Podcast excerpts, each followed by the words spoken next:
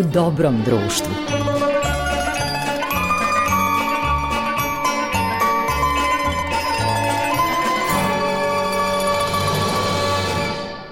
Slušate prvi program radija, radio televizije Vojvodine.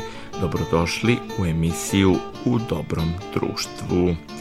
Vaš domaćin Goran Vukčević nalazi se pred mikrofonom, a za mix je Marica Maca Jung koja tonski uobličava ovu emisiju. A u dobrom društvu ovoga puta mislim da ćemo obradovati posebno dame, ali i sve romantične duše. Vaši moj gost je Žarko Dančuo.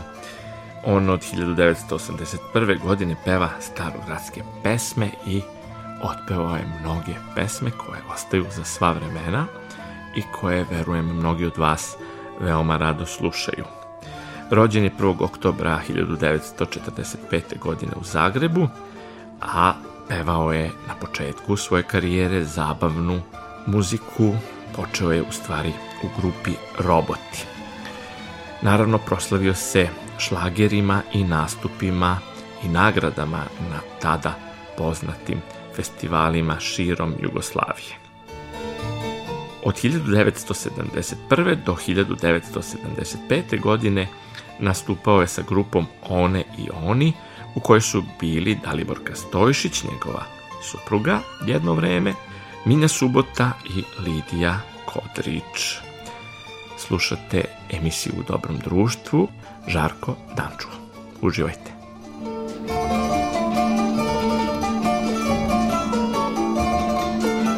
Gospodine Dančuo, hvala vam što ste odvojili vreme za ovaj razgovor. Znam da ste se mnogo puta vraćali u svoja sećanja, čak i u neke dane mladosti za različite intervjue, a ja bih molio i za slušalce prvog programa radija Radio Televizije Vojvodine da se malo isto vratimo u prošlost. Dobrodošli prvo u emisiju i kako ste? Hvala na pitanju, dobro sam i hvala na pozivu. Uvek mi je zadovoljstvo da učestvujem u emisijama gde vodimo kako da kažem, pametne razgovore, ne ono šta mi je hobi, šta, kao što je nekad bilo, nego stvarno razgovaramo o nekim rezultatima svog rada tokom godina rada. Evo ja sad negde imam 50 godina staža pevačkog, a počeo sam stvarno kao vrlo mlad, rođen sam u Zagrebu, sa šest godina sam sticam nekih okolnosti, bio otkriven kao talentovano dete koje lepo može da glumi, da peva, pa sam bio član dečje radiodramske grupe Radio Zagreba. A bili ste radijsko dete u Radio jeste, Zagrebu. Jeste, počeo sam na radiju, jeste. Ali tad se desio jedan interesantan slučaj, mnogi to ne znaju, mada sam ja to više puta pričao. E, ja sam tada i otkrio mog oca. I svi se vrlo čude kako ja otkrio oca, ne otac mene, jel? Međutim, stvarno, ja kao član dečje radiodramske grupe, u slobodno vreme, ono, pauze su, pa deca trče, neko radi ovo, neko ono. Ja sam pevušio ko ješta i pitali su me otkud ja ovaj, znam te pesme i na koga sam ja talentovan, jel, su očigledno našli da je to dosta kvalitetno i dobro za tako malo dete. Onda sam ja rekao da sam ja to naučio od mog tate koji iz gitaru lepo svira i kad se skupi društvo porodično i prijatelja naših, onda tata uzme gitaru pa peva Pa onda su rekli, ajde Žarko, kad te tata dovede sledeći put, obzirom da ja nisam mogao još sam da dolazim u radio, kako me tata dovodio, ali me ostavili ispred ulaza u radio. Rekao, dovedi ga gore, pa da, da čujemo mi njega. I ja tatu stano dovedem i kažem, zvali su te gore, hoće da te čuju. I tata iznenađen dođe gore i stvarno otpeva par pesama i oni se oduševe i tako je u stvari počela pevačka karijera mog oca. Tata je stvari imao krojačku radnju da ima krojačku radnju i on je upravo šio jedan kostim rediteljki Tamari Srkolj koja je bila tad reditelj Radio Zagreba i to, tog dečeg programa i ona me u stvari primetila, pozvala i tako je počela. Ona je u stvari bila sudbonosna Jest. Jeste, ona nam je otvorila taj, ta radijska vrata, da tako kažem. E sad kasnije mene često pitaju kako su se nekad počinjalo, kako se počinje danas, da imali razlike. Ja kažem ne da ima razlike, nego raz, razlika su nebo i zemlja. Naime, nekada smo mi, da bismo postali pevači, radi, radijski pevači, mi smo morali da prođemo jednu vrlo e, strogu audiciju gde su nas preslušavali muzički stručnjaci, ljudi muzički obrazovani, vrlo odgovorni na svom poslu i onda su rekli ovaj može da peva na radiju, ovaj ne može, ovaj, od ovog neće biti ništa, to je njegov, njegovo ubeđenje, njegova nada da može. Bilo je vrlo ne. strogo, nije mogo to neko da vam preko ne, veze završi. Ne, ne, ne, ali tu kad ste primjeni, vi ste onda primjeni u Radio Zagreb i ja se sećam kad sam bio mali da su tatini kolege, pevači koji su pevali na Radio Zagrebu, štampali sebi vizit karte na kojoj je pisalo ime i prezime i dole je pisalo pevač Radio Zagreba. To je bila referenca ozbiljna. To je bila vrlo ozbiljna referenca, jeste. Kažem, eto, i tata moj je, je preko mene došao u situaciju da peva i čak smo, e, nam se potrefilo da smo maltene u istom trenutku, u istom periodu, vrlo kratkom razmaku, imali svoje prve emisije, ja kao član Deče radiodramske grupe, gde sam nešto kao glumatao, ili glumio, da ne bude to sad, da ja to pocenjujem, ali je bilo, bilo vrlo slatko i simpatično. A moj tata je pevao, pevao je ove, ariju iz e, muzičke opere, da tako kažem, Snežana i sedam patuljaka. A u stvari nas, u samom filmu Snežana i sedam patuljaka, kad je Snežala pojena onu jabuku, pa je pala, jel, mrtva, pa sedam patuljaka misli da su je izgubili za uvek, pojavio se Beli princ na konju, jel, koga uvek sve žene čekaju. pojavljuje se on i peva jednu pesmu koju moj tata tada snimio divnim jednim tenorom, finim kakav je on uvek imao. Prilike pesma išla Pesma moja ti kaže, tebe da volim ja. Pesma nikad ne laže, ja večno ostaću tvoj. I tu princ skoči sa konja, poljubi Snežanu i Snežana se probudi i nastane opšte veselje. A se to čuva u, u arhivi Radio Zagreb? Ja ne znam, stvarno ne znam, stvarno ne znam i to je stvarno bilo jako davno. Ali to je bio u stvari prvi snimak mog oca na Radio Zagrebu i njegov početak njegove pevačke karijere koja je to trajala, ja danas moram da kažem da imam u moje sobi, srednjoj sobi, jedan ceo zid na kome su od mog oca zlatne, srebrne, zlatne i platinaste ploče koje on snimio za Jugoton, uglavnom sa starogradskim pesmama i romansama i on, moram da kažem da je on e, izuzetno zaslužan bio u Hrvatskoj, što su starogradske pesme izašle iz e, kafane. One su nekad bile pevale su u kafanu i to je bila gradska narodna muzika, na neki način e, zarobljena u kafanskim atmosferama, takve su bile i pesme, tako su se i pevale i to je bilo to. Međutim, on je to na, doneo na jedan prefinjeniji način, izdigao to na nivo radija i jugotonovih ploča, koji su mu, eto, celog života moj jugoton snimao ploče i njegove pesme. I ovaj, od tada su starogatske pesme ovaj, u Hrvatskoj postale poznate, svirali su se na radiju, a ja sam krenuo u školu, krenuo u muzičku školu, nekako sam bio predodređen da ću biti jednog dana, eto, bavit ću se muzikom, verovatno pevač. Tad još nismo znali koliko ću ja na komutacije moći da budem dobar pevač ili ne. Kasnije, naravno, sam, sam u muzičkoj školi išao na časove pevanja i učio pevanje negde sa 17 godina sam u muzičkoj školi upoznao ovaj, jednog e, momka koji je isto išao u muzičku školu, zajedno smo bili u razredu, koji je bio inače bas gitarista grupe Roboti u Zagrebu, vokalno-instrumentalne grupe. I onda me on pozvao ako hoću da dođem na jednu probu kod njih na audiciju, da im treba jedan dobar pevač manji.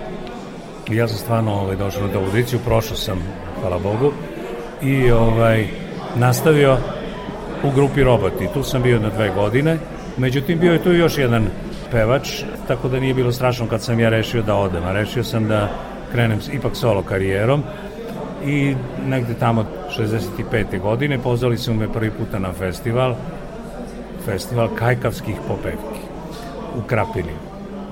To je bio prvi, prvi festival je tada održavan, 65. godine, pozvali smo i moj otac i ja, pevali smo istu pesmu alternaciji, dobili smo nagradu za tu pesmu, pesma se zvala Pod starim krovovima, kasnije u Zagrebu jedna vrlo ekskluzivna kafana u starom gradu, Zagrebu se zvala Pod starim krovovima, po toj naše pesme, inače kompozitor bio Marko Novosel. I to je bio nekako moj eto prvi pokušaj i vrlo uspešan da pevam na festivalima. Kasnije smo naravno išli Opatijski festival Zagrebački, šlager sezone, svi ostali festivali, Beogradsko proleće i tako dalje, koji su se održavali u tadašnjoj Jugoslaviji, svaka republika imala maltene svoj festival, Skopje i tako dalje. I bilo je nas jedno dvadesetak pevača u tom periodu koji smo maltene ono, išli smo stalno u krug od festivala do festivala. Moram reći da nam je najdraži festival uvijek bio Opatijski festival jer smo se onda svi nalazili ovaj, u Trstu sledećeg dana. u Italiji, jer je vrlo blizu, jel? Išao sam na ekskurziju u Opatiju, pa je to onda bio i pa Trst. A normalno, da se podrazumeva. tako da eto, to je bio onda moj nekakav festivalski, da tako kažem, ozbiljni početak ozbiljno bavljanja muzikom. Eto, potrebalo to toliko, bio sam zabav, pevač zabavne muzike, sarađivao sam sa Đorđem Nokovićem, jedna od najpoznatijih pesama i Đorđeva i Jugotonova i nalazi se na nekim zbirnim pesmama najuspešnijih Jugotonovih izdanja je pesma Anita. To je jedna fina pesmica, onako malo laganog tipa, ali vrlo prijemčiva i vrlo je to sve lepo krenulo, međutim ja sam onda 68. godine dobio poziv da dođem na festival u Suboticu, da pevam. Ove, to je bio omladinski festival. Vojka Morisavljević me zvao. Ja kažem, Vojkane, ti znaš da je to za mene na neki način korak unazad, jer ja sam već pevao i na ovim velikim festivalima, Opatija, Zagreb, Beogradsko proleće i tako dalje, a Subotički festival je omladinski festival, to je u stvari stepenica do onog gore, a ja sam već gore. Međutim, onda mi je rekao, pa znaš šta, bit će tu još dosta mladih pevača, perspektivni bit će Kemal Monteno, bit će Josipa Lisac, bit će, ne znam, ovaj, ona, i bit će, kaže, mi Jugoslavija, ona Dalibor Kestojičić. Ja kažem, pa dobro, rekao je ona stvarno tako dobro izgleda i uživo, jer sam jednom vidio na televiziji. da, da, da. I on kaže, pa izgleda dobro. Tako, onda ću da pevam, dobro. I tako ja rešim da pevam na Subotici, vođen eto tim nekim svojim muškim nagonom, da tako kažem. I stvarno smo se moja kasnije prva supruga, jel da li ja tu i upoznali, ja zbog nje pređem u Beograd. I ostavim, ostavim sjajnu započetu karijeru u Zagrebu, moje roditelje kao sin jedinac, tek sam kasnije shvatio koliko je to bio težak udarac za njih, ali ja sam se zaljubio, ja sam rešio i gotovo. To ćemo da nastavimo, da napravimo sad jednu malu muzičku pauzu. Dobro. Da nešto pustimo iz sastava one i oni, ili, ili nešto drugo. Šta želite za početak? Pa, Šta je dobro da Pa ja ne znam da li imate Anitu, ja, ni, ja ni doduše nisam doneo, to je, to je pesma iz tog nekog moj, mog perioda ovaj, zabavnjačkog, naj, najuspešnija pesma. Kasnije, kasnije sam ja, ja sam posle otišao u vojsku 69. i kad sam izašao iz vojske onda sam ušao u grupe one, ali one i oni, ali to ćemo kasnije. Ovo je bilo tačno pre pola veka. Ništa, slušamo Anitu.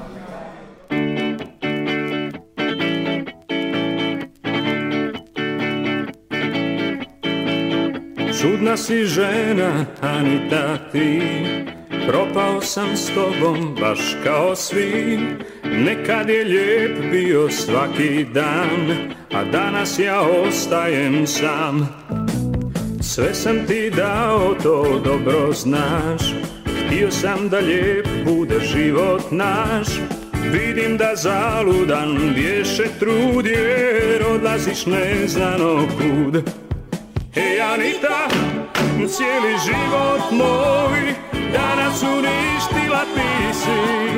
Hej Anita, zašto sada odlaziš ti? Zar ni malo me voljela nisi? Hej Anita, ništa nemam ja Sve sam izgubio s tobom. Hej Anita, ti me sada ostavljaš Znam i ne pitaš se šta ću sa sobom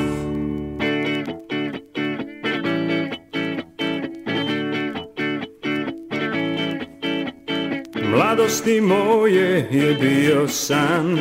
Sve što zaželiš da tebi dam Primala sve si uz osmijeh blag. Vjerovah da sam ti drag. Umorne ruke su moje sad. Nisam ko nekad, ni jak ni mlad. Al ti ne haješ da molbe tebe S hvala mi odnosiš sve. Hej Anita, cijeli život moj Danas uništila ti si. Hej Anita, zašto sada odlaziš ti? Zar ni malo ne voljela nisi? Hej Anita, ništa nemam ja, sve sam izgubio s tobom. E, Anita, ti me sada ostavljaš, znam i ne pitaš se što ću sa sobom. I ne pitaš se što ću sa sobom. I ne pitaš se što ću sa sobom.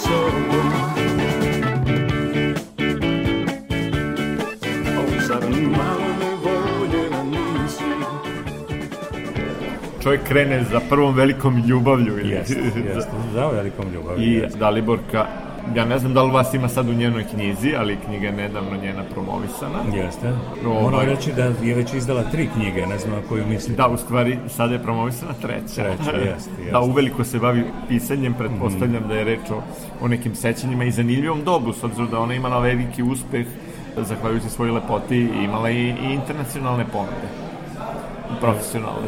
Da, ali nije htjela da ih prihvati, prosto nije, nije htjela da, da na, ostavi sve. Interesantno, recimo, e, naš sin zajednički, koji sad ima 43 godine, pre dosta godina kad sam ga ja pitao kad je završavao fakultet i sve rekao Bojane, koja je tvoja namera kad završiš fakultet, hoćeš da budeš ovde, se zaposliš ovde, mnogi mladi hoće da idu u inostranstvo. A on kaže, tata, pa što da idem negde tamo, kad svi koje ja znam i volim, koji su mi dragi, svi su mi ovde. I on se stvarno lepo snašao ovde i mislim da je to jedna ključna rečenica i ona izgleda bila taj, taj tip u duši, isto tako nije htela da ode, jer su svi koje je volela, moram da kažem ja isto, jel, smo bili tu. da, da, naravno. Da. A kako to izgleda kad promenite Zagreb za Beograd? To pretpostavljam da je to ipak veliki rez u životu, sredina je potpuno druga, nova. Da, to je strašan rez koji kad ste mladi i zaljubljeni, onda ne osjećate koliko je to ovaj, velika promena. Ja sam ostavio prvenstveno svoje roditelje. Drugo, svoje sve drugove iz, iz škola, iz gimnazije, iz fakulteta. Uh, ostavio sam izuzetno započetu karijeru i sve poznate muzičare zagrebačke s kojima sam sarađivao. Sve sam ja to ostavio i došao u Beograd. I onda sam bio ovde, radio sa ansamblom Žarka Josipovića škole i Beogradskom estradom, jednu godinu i nešto dana, onda sam dobio poziv za vojsku, pa sam otišao u vojsku i posle vojske... Gde ste bili u vojsci? U vojsci sam bio u Danilovgradu A, i u Pljevljima, u Crnoj Gori. da, da, da. I ovaj, kad sam došao iz, izašao iz vojske, sačekao me poziv i mesto u grupi One i Oni. Naime, dok sam bio u vojsci, formirana je grupa One i Oni, Minja Subota, Minja Subota. Lidija Kodić, Dalibojka i e, Boba Stefanović. Vi ste zamenili Bob. Ja sam u stvari došao na Bobino mesto jer je Boba u tom periodu, odmah negde na godinu dana, dve nakon što su formirali grupu, ja sam tad bio u vojci, Ove, on je dobio onu pesmu Obriši suze, draga, Veliki Obriši suze, pa pre, veliki, ogroman hit. Jeste, i onda je on tražio jedan poseban status za danas. sebe i onda su rekli, ovaj, Bobane, mi smo se dogovorili da na neki način, svi smo afirmisani već pevači, solisti, da imamo jednaki status. Da je Boba rekao, dobro, onda ja neću više da pevam u grupi, idem da pravim solo karijeru dalje, jel? Odnosno da nastavim solo karijeru. I onda su mene pozvali i sad ja sam dolazio iz vojske, na neki način nisam znao šta me čeka. A oni su me pozvali, rekli su, doći ćeš u grupu, mi smo, a ja sam grupu već video kad sam bio na odsustvu, da oni stvarno sjajno rade, imali su koreografije, kostime, vrlo je to lepo sve izgledalo, meni se dopadalo, iz dva razloga. Jedno, to što mi se dopadalo, drugi razlog što je već e, moja buduća supruga, a tadašnja ljubav, bila u grupi i kad su me pozvali da uskočim na Bobino mesto, ja sam rekao ok. Kaže, a već imamo ugovorenu turneju u Rusiji i, sve, i šta sam ja sad više u tom trenutku mogao da tražim nego to. I stvarno onda smo imali par godina vrlo uspešnih, naročito u Sovjetskom savezu. Ja sam snimio i tri ploče u Sovjetskom savezu za firmu Melodija Rusku. To znači da ste imali tamo, i tamo status zvezde. Da, da, bili smo zvezde, jesmo. Kako su izgledali ti nastupi? To, e, Uvijek su bili. Velika publika, velika... Velika publika, mi smo imali po par hiljada. Ovaj. U stvari, gde god smo bili, sale su bile pune. Mi smo obišli u tih e, pet godina koliko sam ja bio rano, ja sam i kasnije odlazio u Rusiju kad sam izašao iz grupe, ali sa grupom mi smo obišli e, maltene ceo Sovjetski savez, od, od Baltika do, do, do Sibira, pa dole azijski deo, kavkaski deo. Mislim, sve to skupa smo prešli ne znam koliko puta za tih godina imali smo izuzetno uspešne koncerte, jer tada smo mi bili na neki način interesantni za uh, rusku publiku samim tim što smo dolazili iz Jugoslavije. Imali smo jedno, jedan repertoar koji je mnogo podsjećao na zapadnu muziku. Evo, moj, moja prva turneja, recimo, u Rusiji. Da, Rusi su uvek bili skloni tome, da. Da, da, da. Ba, osim toga, to je kod njih bilo zabranjeno i sad mi, mi smo na jedan put do, došli tamo. Ja sam 67. godine prvi put bio u Rusiji. To je bilo pre grupe one, i one i oni i pre moje vojske. Još sam tad bio u Zagrebu. I onda je došao predstavnik Jugo koncerta na Opatijski festival da odabere mlade pevače, da podmlade ekipe koje od, oni šalju u Rusiju na turneji. Tad su uglavnom stariji pevači, Đorđe Miljanović, Admina Karakajić, Anica Zubović, Krsta Petović i tako dalje, oni su već bivali po nekoliko puta u Rusiji i sad su rešili da podmlade ekipe koja će doći i na Opatijskom festivalu bila prava prilika da se odaberu od mladih snaga. I onda su odabrali kao naj, najperspektivnijeg i u tom trenutku najjačeg mladog pevača u Beogradu Bobu Stefanovića, istog takvog iz Zagreba mene, iz Sarajeva su odabrali indekse, iz Slovenije su uzeli Lidiju Kodrić i uzeli su Anisu Zubović i Krsto Petrovića kao proverene već pevače u Rusiji za svaki slučaj. I onda smo imali divan prvi koncert, nikad neću zaboraviti, to, to je za mene to mi za sve sledeće godine i, i, i za sve turneje u Rusiji uvijek bilo pred očima. Mi smo napravili fantastičan prvi koncert, probni koncert u Moskvi, kad smo došli na, na početak turneje. Prvi koncert je bio probni u Moskvi i mi smo naravno znali da zapadni repertoar, repertoar za muzike, muzikom sa zapada, će dobro proći u Rusiji, ne dobro nego odlično, i mi smo uglavnom bazirali svoj repertoar na, na zapadnoj muzici. I kad smo mi odradili koncert, sala se srušila, to je bio uspeh fantastičan. Mi smo mislili da smo sad pokorili Sovjetski savez, mislim se. Došao je čovek iz e, GOS koncerta, njihov predstavnik iz e, ruskog, ruske agencije koja nas je angažovala i rekao je sad razmišljam da li da vas odmah vratim ili da ipak vam dam još jednu šansu. Mi, sad, mi smo totalno zgranuto ove, gledali u njega, on je rekao da vam objasnim jednu stvar. Da smo mi hteli da neko nama svira muziku sa zapada, mi bi pozvali grupu sa zapada. A mi smo pozvali vas iz Jugoslavije, da Rusi, da naša publika čuje kakva muzika se svira u Jugoslaviji, jel? I to je osnovni motiv što smo vas pozvali. I onda smo se mi stalno zamislili i morali smo da redikujemo program. I ja sam kasnije uvijek imao po jednu eventualno pesmu sa zapada. Imao sam naravno i ruske pesme sam pevao i snimao posle i tako dalje. Ali sam uvijek imao to u glavi i bilo mi jasno zašto sam pozvan. Baš ja, a ne neko sa zapada ili sa istoka ili od bilo gde drugde. Tako da, eto, ta Rusija je, je ostavila jedan izbrisiv trag u mojoj karijeri. 75. godine sam se pozdravio sa grupom One i Oni, da li dok ja smo izašli iz grupe, onda smo nastavili nas dvoje da radimo zajedno. Kao duet? Ne kao ne. duet, ne, ne, svako, svako ima svoj, svoj repertoar, svako ima A duet ove... nikada niste napravili? Jesmo, napravili smo. Postoje čak i neki deči dueti koji još uvijek mogu da se nađu na dečih pesama nekih.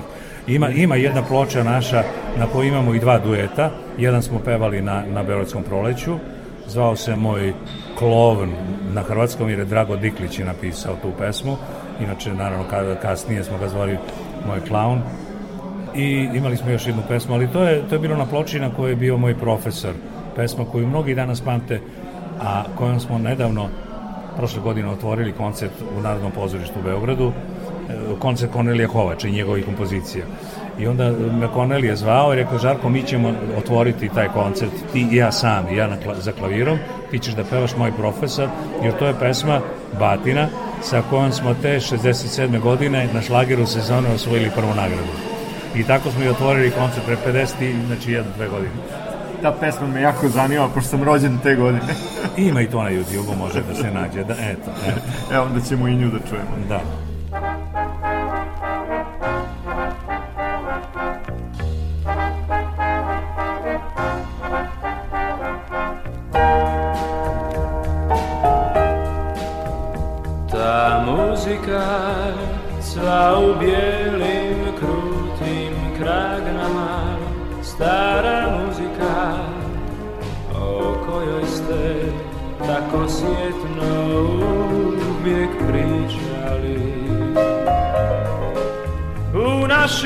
Razredu, u našim srcima i nakon godina još i sad živim kao sjen, stari profesore moj. Ta muzika sva u bijelim krutim kragnama, stara muzika kojoj ste tako sjetno nježno pričali. Bila je jedina u vašim mislima, tek tada sam saznao zašto moj svijet niste shvatili, stari profesore moj.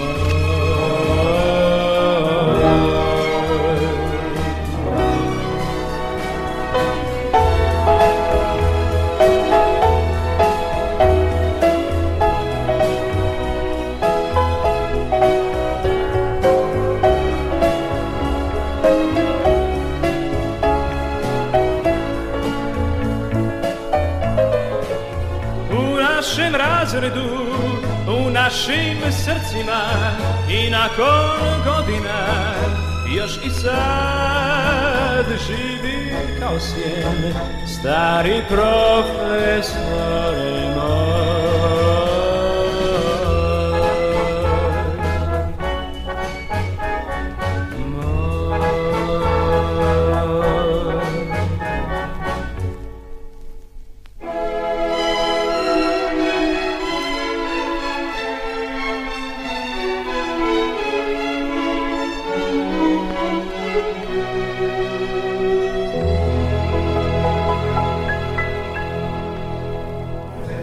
je bila ovakva i onakva, putovalo se, radilo se, borili smo se stalno za nekakvu svoju poziciju, za neku dobru pesmu, za, za naklonost publike, da bi negde 80. godine napravio jedan radikalan zaokret u svojoj karijeri i od zabavnjaka postao pevač starogradske muzike. Imao sam sreće da sam dobio pesmu Dunav, Dunav tiho teče, sa kojom sam na neki način osvojio publiku koja je volila i tu vrstu muzike i kasnije mi je bilo lakše, naravno snimio sam dosta ploča, osvojio dosta nagrada I koja je ostala za sva vremena. I koja je ostala za sva vremena. Mene kad pitaju kako nastaje starogradska pesma, ja kažem, eto, 81. godine, Jovan Ljubiković Puba, naš poznati, nažalost nije više među nama, Bojem Zemunac, napiše jednu pesmu koja se Dunav, Dunav tiko teče, i ja ju otpevam i narod ju čuje i pevaju i dan danas i sad je to već starogradska pesma. Divno. Da se dogodi prava starogradska pesma koja će da se nalepi za narod, koja će među ljudima ostati i među novim posle generacijama se rado slušati. Čini mi se da, da nije dovoljno samo da se ona, kako bih rekao, da se puno uliži truda, nego i malo to metafizički, da li se dogodi velika pesma ili se ne dogodi. Koliko god da vi napišete lepe stihove, komponujete ih, to nikad čini mi se ne može da se predvidi, to je neki prst Božji.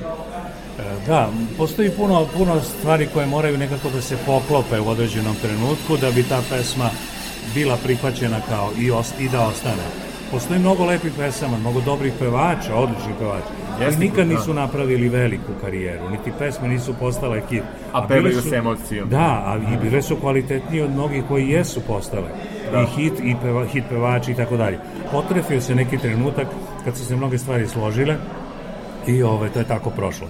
Meni se je to složio taj Dunav Dunav i kažem, otvorio mi prosto vrata ka publici koja je volila starogradsku muziku. Ja sam tada bio još relativno mlad, ove, tad su uglavnom to pevali Duško Jakšić, Mile Bogdanović, moj tata i tako dalje, znači pevači starije Živan Milić, da. Živan Milić, bravo, jeste, koga sam ja izuzetno volio i cenio.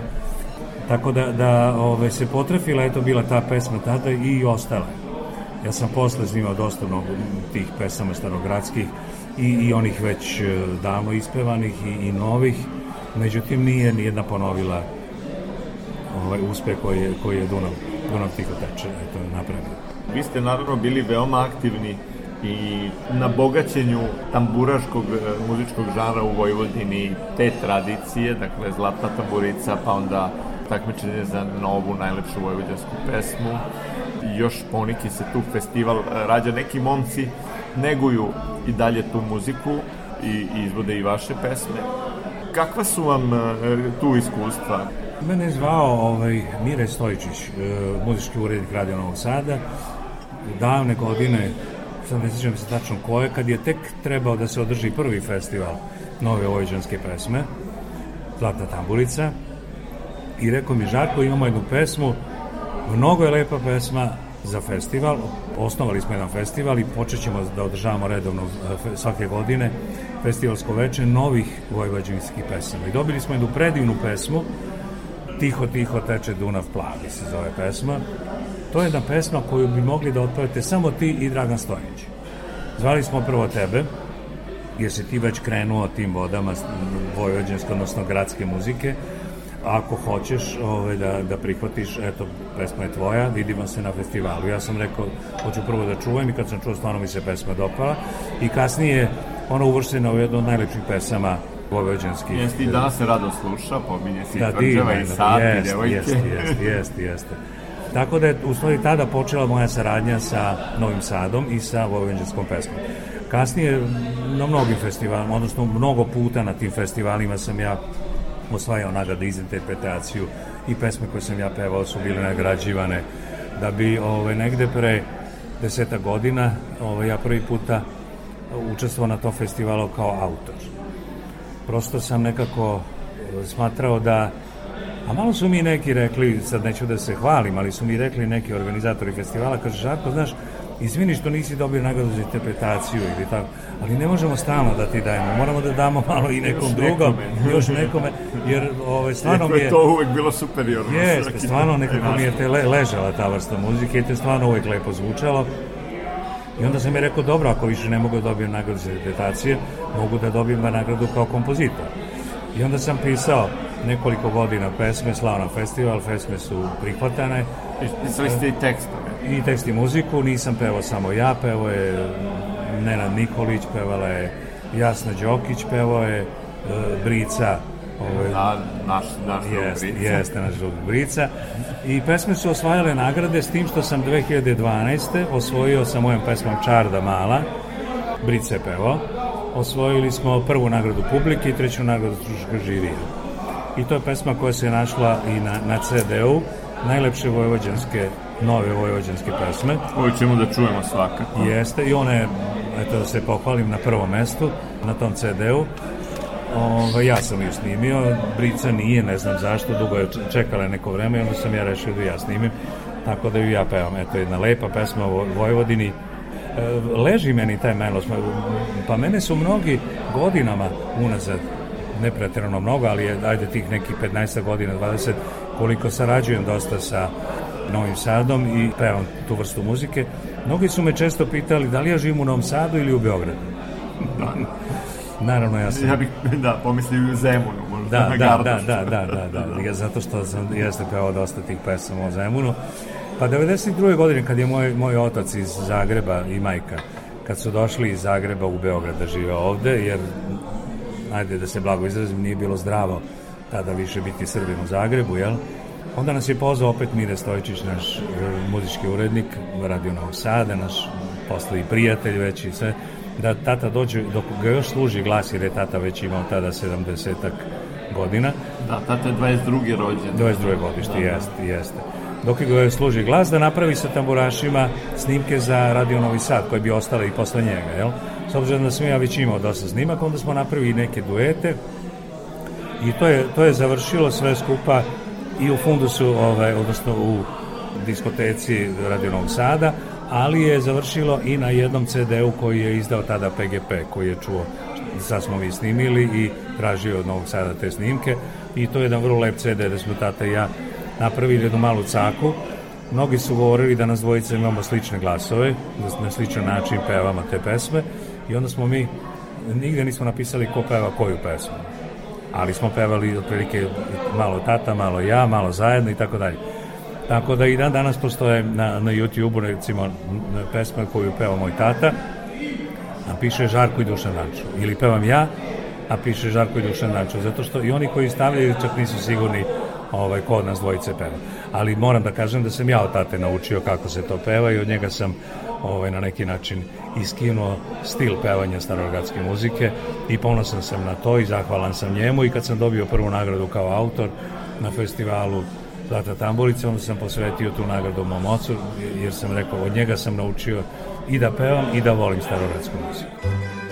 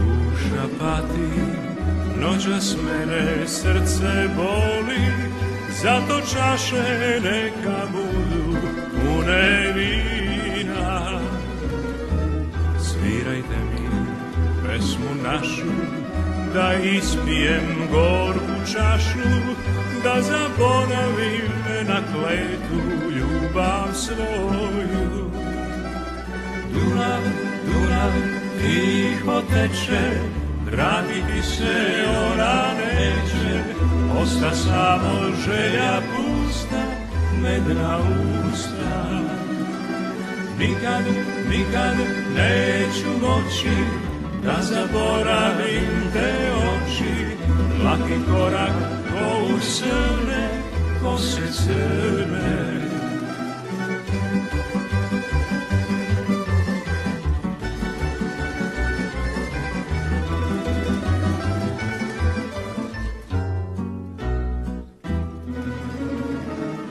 Ne pomaže čaša vina, niti plačna violina, lažna uteha je sina, sve je lažno.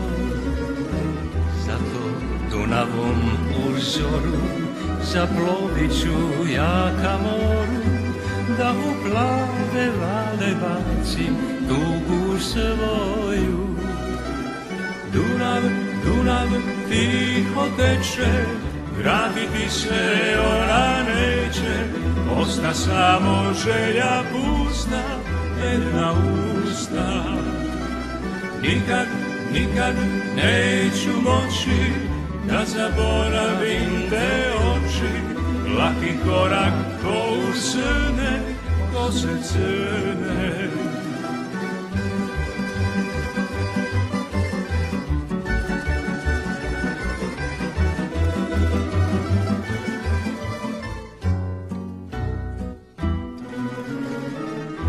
Otišla je, veše jesen, ja sam kriv jer sam zanesen, broja liše koje pada, kapi kiše. Osvrnu se, al nje više ne ugleda, pored sebe osta samo pesma ova uspomene. Dunav, Dunav, tiho teče, vratiti se ona neće, osta samo želja pusta, medna usta. Nikad, nikad neću moći da zaboravim te oči, laki korak ko u srne, kose crne. Dunav, Dunav, tiho teče, Vratiti se ona neće, osta samo želja pusta, a,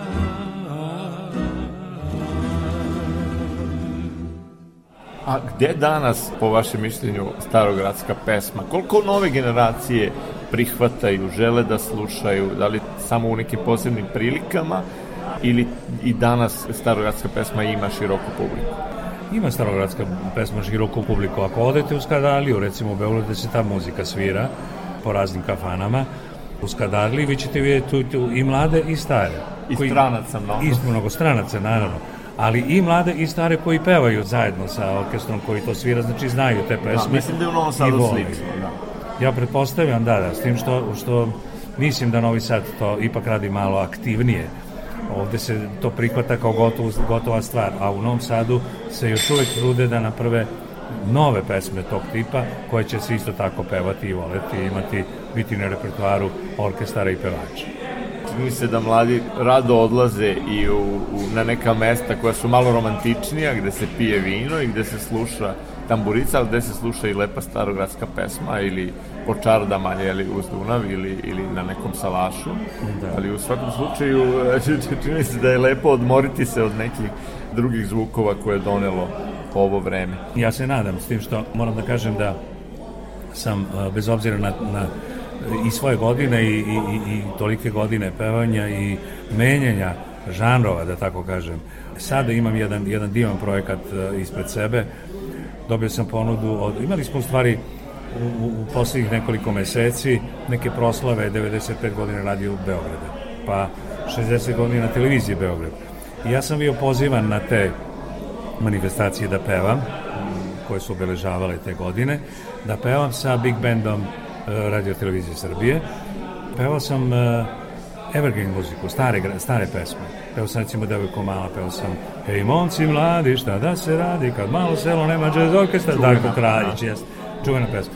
I toliko smo dobro to odradili i toliko na, na zadovoljstvo obostrano da su me pozvali iz e, Big Benda da obavezno dođem na jedan dogovor, sastanak i sa urednicima Radio Beograda da napravimo snimke Big Band i ja tih lepih starih šlagera i da te, se to izda na jednom CD-u i mislim da će to biti nešto eto što će ostati nadam se i za mene još godinama, jel, osim i ovih starogradskih. Šta je važno da bi se trajalo? Ja sam u stvari negde 80. godine kad sam napravio taj zaokret shvatio da u tadašnjoj zabavnoj pop muzici ja više nisam svoj, nisam e, interesantan publici onakav kakav sam. Pojavili su se neki novi klinci, novi pevači, nove grupe, novi muzički trendovi i novi zvuk u zabavnoj muzici.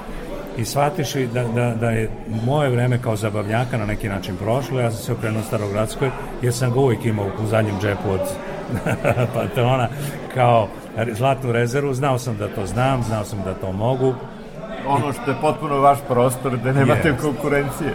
A, da. I ovaj, imajući sreću, eto, dobijem i Duna Duna tih tečaja, napravio sam i u tom, tom žanru jednu lepu karijeru, ali sam polagano poslednjih godina počeo opet da se vraćam evergreen muzici, znači da pevam i domaći evergreen, domaće šlagere, ali i strani evergreen. I možda je upravo ta mogućnost da pevam i jedno i drugo meni produžila karijeru. Moram reći da moj e, ozbiljan odnos prema poslu koji, koji sam celo života radio i prema publici, poštovanje koje sam uvijek pokazivao prema publici od oblačenja, od kravate i odela, nikad nehajno, nikad neodgovorno, nikad baš me briga, nego uvijek s poštovanjem. Birao sam s poštovanjem i repertoar i kompozitore s kojima sam sarađivao. Mislim da je to na neki način odredilo da me nikad ne otpišu, nego da me uvek smatraju nekim ko je dobro došao, u bilo kom muzičkom trenutku. I prema medijima ste bili veoma korektni. Uvek korektan jeste i sve, mislim da je to eto, tajna možda te, te dugovečnosti.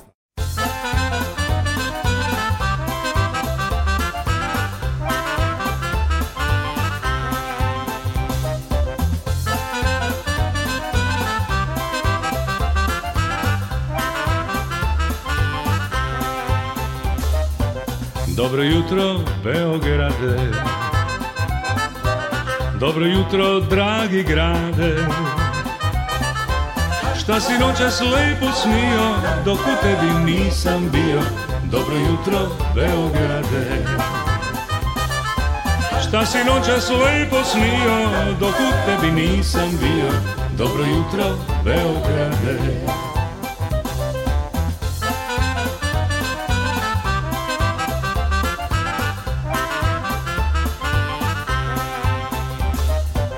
opet ti se zorom vraćam. Drago sam ti poverio Da je čuvaš dok me nema Dok za druge pesme pevam. Dobro jutro Beograde. Da je čuvaš dok me nema Dok za druge pesme pevam. Dobro jutro Beograde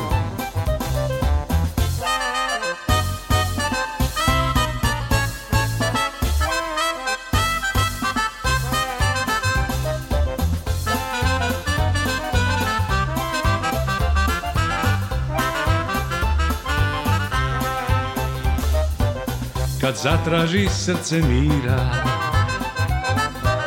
i prestanu putovanja. Sa dragom ću jedne noći u kafane tvoje poći Da mi drugi pesme peva.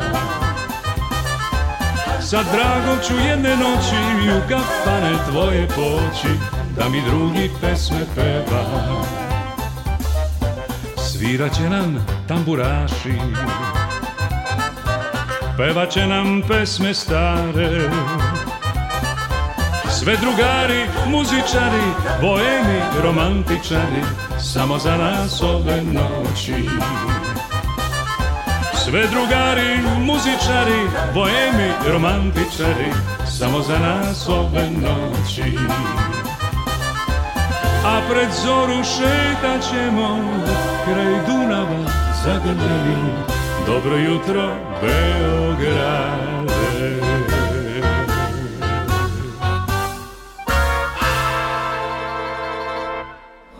Vi niste razmišljali da napišete svoje neke memoare? Nisam, nisam memoare, ali sam eto napravio sam jednu pesmu ja bih rekao sad možda pred kraj karijere, u kojoj sam u četiri strofe uspeo nekako, mislim da sam uspeo sasvim lepo da sažmem svoj umetnički život. To je pesma koja se zove Dobro jutro Beograde. Pesma je, je jedna priča je moja, ali priča ko, ko, u kojoj će se prepoznati svi moji kolege muzičari i pevači. A odnosi se na naš život koji ljudi uglavnom e, ne znaju. Ljudi znaju naše pesme koje mi pevamo, znaju naše nastupe kad su nas videli gde smo izašli, otpevali, odsvirali i tako dalje, a ovo je ono kad mi treba da se pripremimo, a da odemo tamo gde ćemo pevati. Pa moramo i da se vratimo kući, jer mi imamo svoje porodice, od kući nas čeka porodičan jedan život, jel? Ove, I kad to sve prođe, šta ostane onda? Eto posljednja strofa, kad zatraži srce mira i prestanu putovanja, sa dragom će jedne noći u kafane tvoje poći, govorim Beogradu, jel? jer se i pesma zove Dobro jutro Beograda i namenjena je, prosto obraćam se Beogradu sve vreme, da mi drugi pesme peva. Sviraće nam tamburaši, pevaće nam pesme stare, sve drugari, muzičari, boemi, romantičari, a pred zoru šetaćemo kraj Dunava zagrljeni, Dobro jutro Beograde. Da, divno je, to je ono što se ne odvija pred publikom. Da. Nije lako, pretpostavljam, kada se navikne na jedno intenzivno, život sa intenzivnim nastupima, sa stalnim putovanjima, onda, onda dođe do te jedne krize, prosto kada se promeni period, pa uđete u neki miran period, pa pretpostavljam da vas nešto sve vuče ponovo i pred publiku i na putovanju. E, ovako, pred publiku i da i ne. E, da, zato što, što kad god, e, evo sad za nekoliko dana imam, imam jedan lep nastup ovaj, ovdje u Beogradu, i znam da ću uvek se lepo osjećati i da će mi publika lepo primiti i hvala Bogu pa mi još služi glas i mogućnost da na sceni radim svoje posao kvalitetno i profesionalno.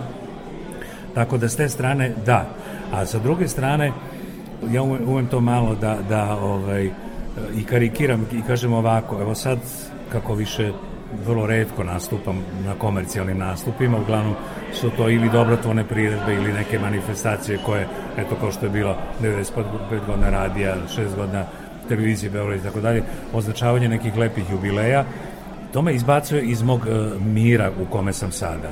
Na neki način sam zadovoljan svojom karijerom, zadovoljan sam što je sve to tako lepo prošlo, zadovoljan sam što to još uvek trajutska, da tako kažem, uz tu i tamo neke nastupe, eto uz kompozitorske moje, moje ovaj, ne, neka, sad neću da kažem više ni pokušaje, nego prosto neke lepe izlete preko pesama koje sam sam komponovao do publike. Nemam neku želju da putujem i volim da kontaktiram sa publikom, volim da im pevam jer znam da to dobro radim, što kaže moja supruga, ti kad izađeš na scenu ti si drugi čovjek Odjedan put, kaže, to je lav na sceni u odnosu na jednog mirnog, normalnog čovjeka sa kojim sam inače preko dana. Ali to je taj, to je taj ovaj, nekakav profesionalni naboj koji mi nosimo sa sobom i gde moramo da ovaj, ga imamo da bismo publiku držali pod kontrolom i da bi publika slušala ono što mi imamo da im kažemo i da bi nam verovala. Jer ako izađemo na scenu nas nesigurni, izbunjeni, tu nema, nema ovaj, kontakta sa publikom, nema ništa. A ono što sam teo malo pre da kažem, ja sad živim u drugoj brzini. Ja sam pre par godina kupio kuću na Kosmaju, imam lep veliki plac, imam baštu, imam voćnjak, imam lepu kuću, imam pogled na, na Kosmaj. Ja uživam sad da idem gore. Ništa me drugo ne interesuje toliko kao da, da idem ovaj, na Kosmaj i da uživam u svežem vazduhu, u, u dobrim komšijama. Komšija moj, recimo prvi komšija mi je Ivan Milinković, ovaj moj dragi prijatelj sada već Merima Njegomir koja me i odvela gore jer ona pre mene kupila kuću gore pa me odvela gore da mi pokaže koliko je lepa na Kosmaju. Slavko Štimac je tu negde isto. Pa tu je negde, da, ima nas gore, da. Ovaj, uglavnom mi se gore vrlo lepo družimo, ovaj, vodimo jedan zdrav prijateljski život. Ovaj. Gospodin Zelenović takođe. Da. Jeste, Rale nam je sa druge strane u Koračici. Da, jest, da, jest. Zato što za emisije kad se dogovorimo pa zovu svi na Kosme, znam koliko je lepo, bio jest, sam i ovaj... Jest kao da detinstvo sam dosta provodio u tom kraju, a i skoro sam bio u Mladenovcu. Jeste, tako da kažem, eto, omogućio sam sebi da mogu da vodim jedan miran život bez stresova, tako da je svaki nastup za mene... Ma kako ne, sad smo imali neki dan ovaj, sastanak u džez udruženju, ja sam tu u nadzornom organu već u dva mandata, pre toga sam bio u upravnom odboru i tako dalje, tako da sam u toj jednoj grupi od nas desetak e, koji, koji na neki način, to već godinama vodimo i džez udruženje i baš smo pričali o koje čemu i onda je Jovan Majoković rekao, ovaj, naš sjajni saksofonista, ovaj, je rekao, ljudi, evo ga čovek koji je pametno napravio sebi. Kaže, on danas ne mora da se trese da li ima, ima tezgu ili nema, da li će da zaradi ili neće, ne mora da putuje kad mu se hoće, ode na Kosmaj, bude u Zelenilu, u Kiseoniku. Na boljem kad, vazduhu nego da, na boljem vazduhu nego što je Beogradski, jeste.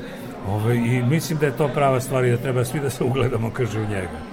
A Ivan mi je rekao svoje vremeno, isto jednu stvar moram da kažem, kaže, kad imaš, ja moram da kažem, ja imam 74 godine, kaže, kad imaš 74 godine, onda je lepo biti Žarko Danču. Zašto? Zato što sam ja svoje, sve svoje životne probleme rešio. Ja nemam problema, ja lepo mirno živim, svakog dana kad ustanem, ja razmišljam šta ću lepo danas da si sa suprugom priuštim. I važno da je biti zdravi, lepo se osjeća. Hvala Bogu, eto i zdravlje da kucnemo drvo me služi, dobro je. A vi danas nekome ko želi da se bavi starogradskom muzikom ili želi da krene nekim sličnim stopama, šta biste mu poručili, evo, za kraj? Pitanje je, je u redu, ali ja sam ovaj, već e, nekoliko puta su me pitali vaše kolege novinari i na televiziji i za novine šta bih ja savjetovao.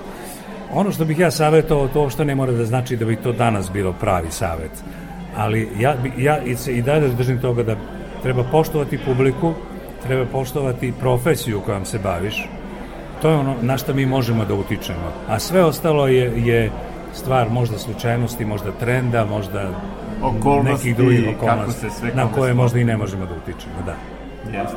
Ja vam želim da još dugo, da tako kažem, uživate i na Kosmaju, a i u poslu svome koji pretpostavljam da je uvek bio veliko zadovoljstvo, a sada je uglavnom isključivo zadovoljstvo, pretpostavljam. Jeste, uživaću, uživaću dok god publika uživa da me sluša, ja ću uživati da pevam za publiku.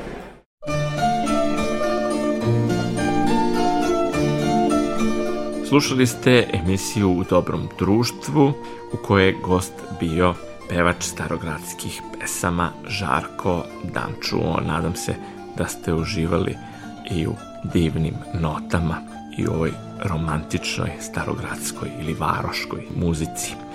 I sledećeg petka bit ćete u prilici da premjerno slušate emisiju U dobrom društvu sa, naravno, novim gostom, Srdačno vas pozdravljaju ton majstor Marica Maca Jung i vaš domaćin, urednik emisije Goran Vukčević. Prijatno do slušanja.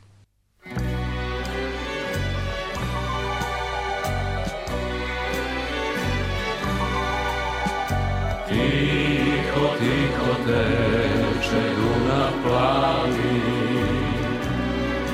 a na tvrđavi još kuca sad stari To prolazi vreme i mi polako s njim Kad bi stalo jednom da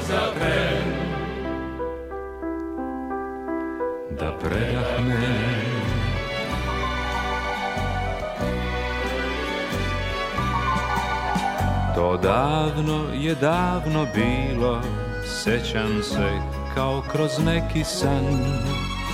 Al dolaze uspomene u ovaj divan letnji dan. Tu smo se igrali na štrandu, plivali, po korzu, šetali, pod mostom, pričali, na tvrđavi devojke ljubili. I pesme stare uz gitare pevali. I sanjali i tiho, tiho teče Dunav plavi a na tvrđavi još kuca sad stari to prolazi vreme i mi polako snimo Kad bi stalo jednom bar za tren Da predahnem.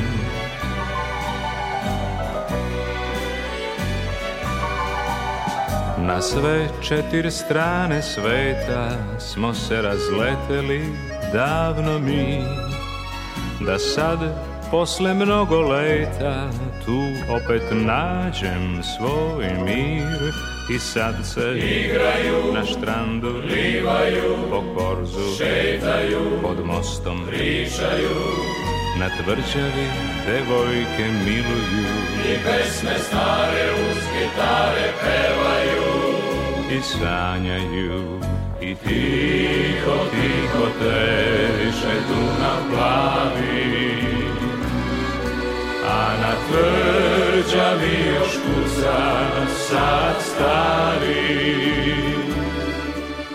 to prolazi vreme i mi polako s njimo kad bi stalo jednom bar za tren da predahnem tiho, tiho teče Dunav plavi a na tvrđavi još kuca sad stari to prolazi vreme i mi polako s njimo kad bi stalo jednom bar za tren izgleda nema. A tiho, tiho teče Dunav plav,